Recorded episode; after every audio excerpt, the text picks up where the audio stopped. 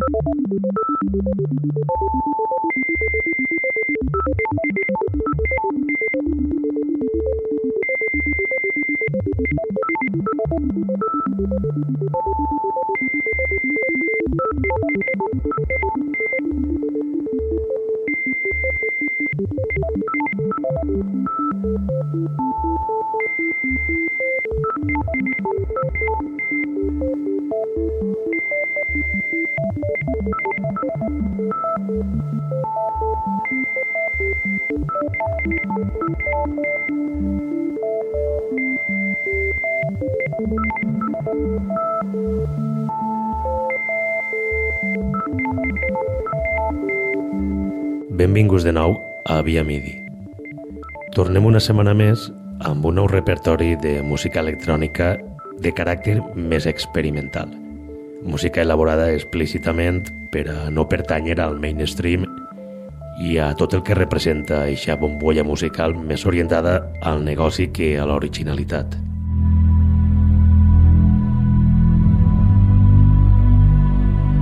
Comencem esta nova edició amb un dels setxells que per a mi millor ens mostra la qualitat musical que pot aparèixer en qualsevol estil. Soy Records és una discogràfica nacional amb tan sols un any de vida però amb un repertori interessant. Tot el que publica sona ja no diferent, sinó a nou. El tecno, per exemple, porta una línia prou personalitzada. Però per a començar el programa, com és habitual, anem a fer-ho amb un gènere més relaxat. Comencem amb Ambient. El productor moscovita Chuna publica el passat 22 de maig en Soy Records Shard of Memory, àlbum de caràcter cinematogràfic que parla dels fragments que s'emagatzemen en la memòria de totes les generacions. D'eixos fragments que recorda cada persona del que ha sigut tota la seva vida.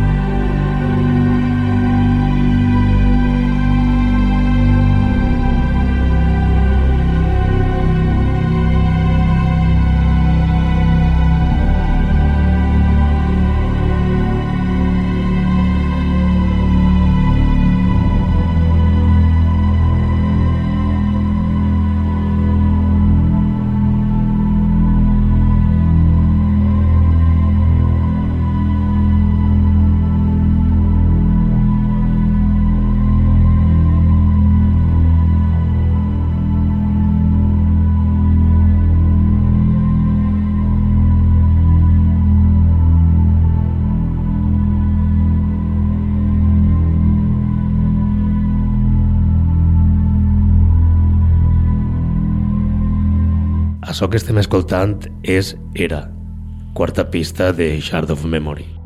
Continuem amb este disc del productor moscovita Chuna. Dreamy World és el quintall.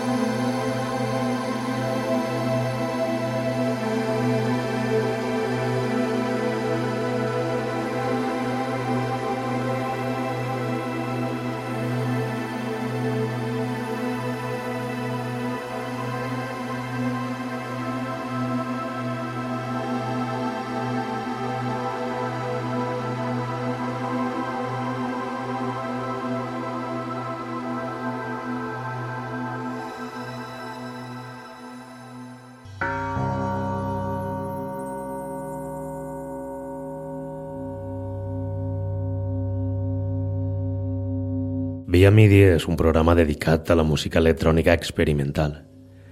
Això no vol dir que el que va sonar siguen sempre textures enrevesades amb mètriques polirítmiques. Dins la música electrònica experimental hi ha innumerables estils. Ho dic perquè anem a escoltar un magnífic treball elaborat tant amb instrumentació orquestral com amb fonts sintètiques. Eric Burmans és un músic holandès amb una trajectòria que es remunta als primers anys de la dècada dels 80. Ell mateix autodenomina el seu estil com a paisatges sonors amb guitarra ambiental.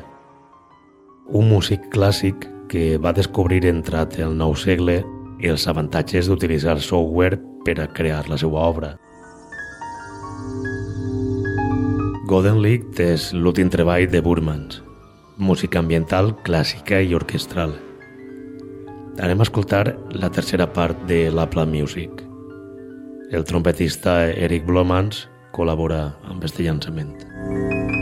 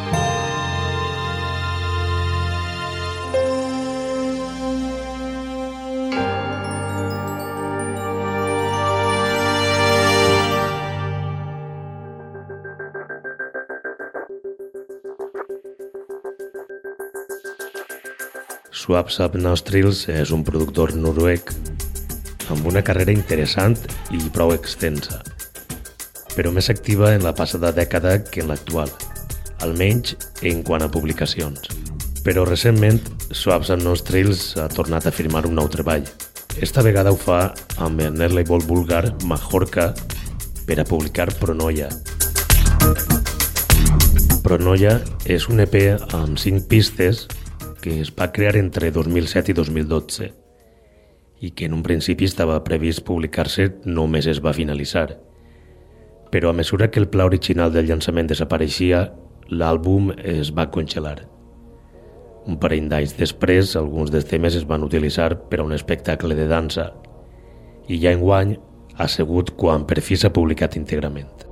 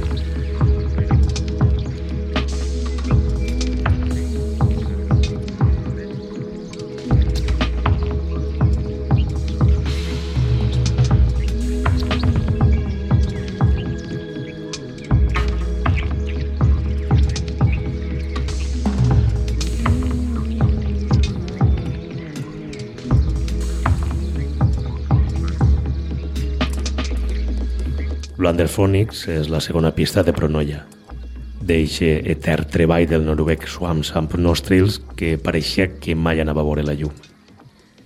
Escoltem ara Cargos, quart any d'este treball.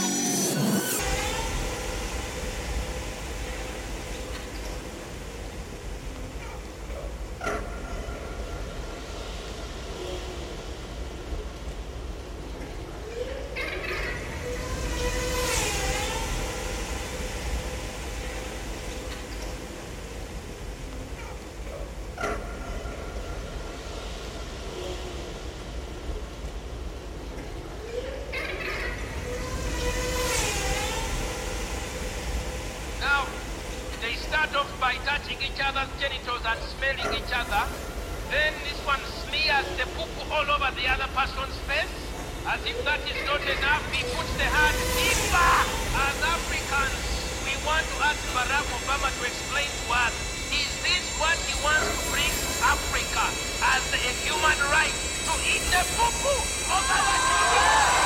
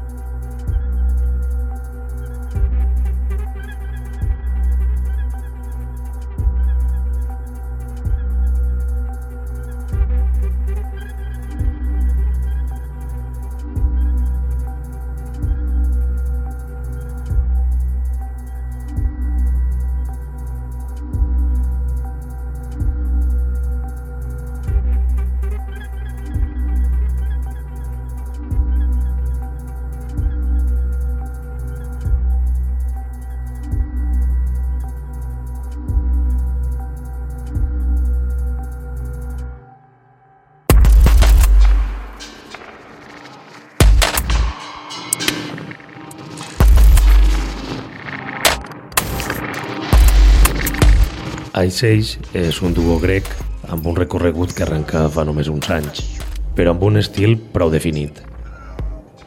Des de 2015 fins a l'actualitat han publicat quatre àlbums, encara que oscil·len amb diferents gèneres com el techno, l'industrial o l'IDM, sempre sol tindre un caràcter experimental.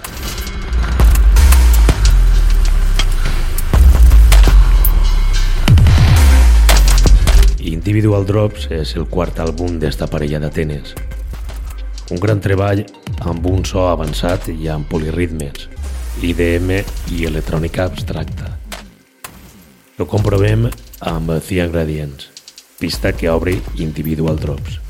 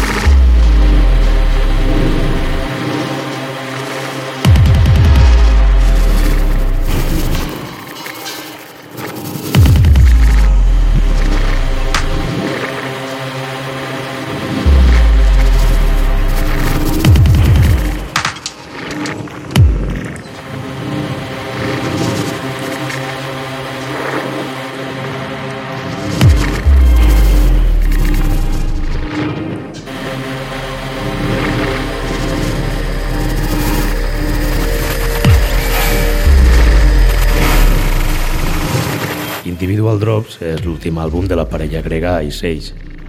Es va publicar el passat 30 d'abril en la discogràfica txeca Genot Centre. L'àlbum compta amb 10 pistes. Les 5 primeres són originals i les altres 5 són versions de diferents autors.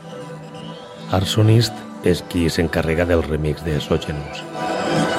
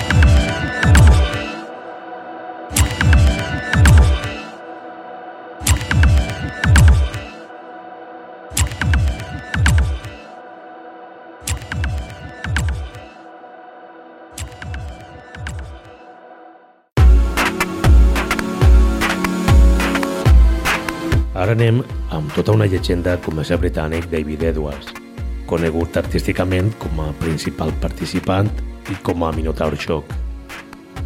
Este segon alias ha transcendit més que el primer. És un projecte que el donaven ja per extingit, però pel que pareix està prou viu.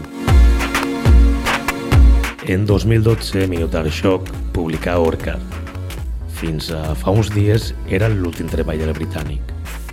Però recentment ha reactivat la seva tasca com a productor amb la publicació de Mino, àlbum que eixa a la venda el passat 5 d'abril i amb el qual estrena una nova discogràfica. Mino és la primera referència de Bytes, plataforma que únicament treballa amb el format de casset i que està lligada a Ransom Note revista de música, art i cultura i que a més compta també amb un setxell anomenat tal qual, Ransom No Records. Mino és un àlbum amb 8 pistes. Fly Tiptoe és la segona.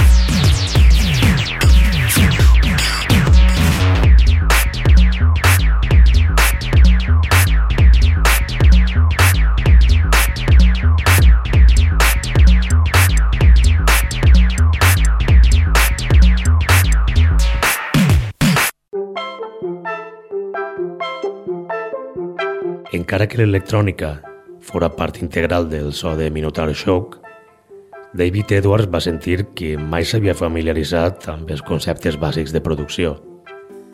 Així que amb Mino el que ha fet ha sigut embarcar-se en un llarg període d'experimentació tractant de comprendre els fonaments de la síntesi per entendre millor com funciona.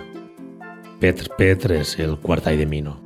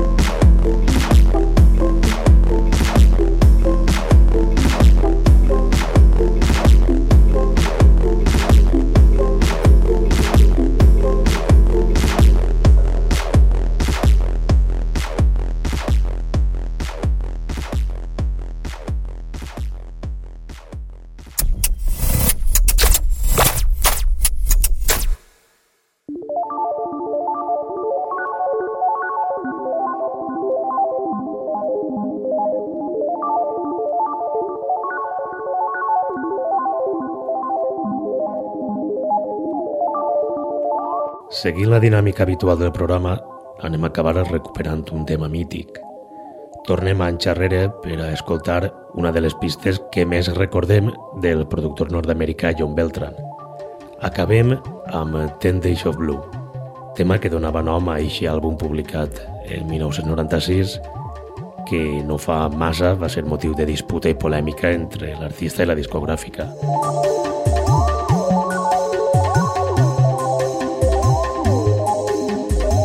Ten Days of Blue es va publicar en 1996 al setxell londinenc Frog Records i recentment, en 2018, es va reeditar sense el consentiment de l'autor i sense que Beltran rebera cap incentiu.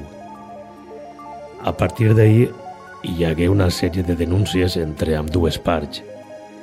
John Beltran va contraatacar primer posant l'àlbum al seu Bandcamp amb descàrrega gratuïta, però va tindre que recular i acabar llevant-lo per temes legals. Però fugint d'esta història, a nosaltres el que realment ens deu d'interessar és la música. I Temptation of Blue és un gran tema per a recordar i per acabar l'edició. Vos espere en una pròxima edició de Via Midi. Salutacions de Ximo Noguera.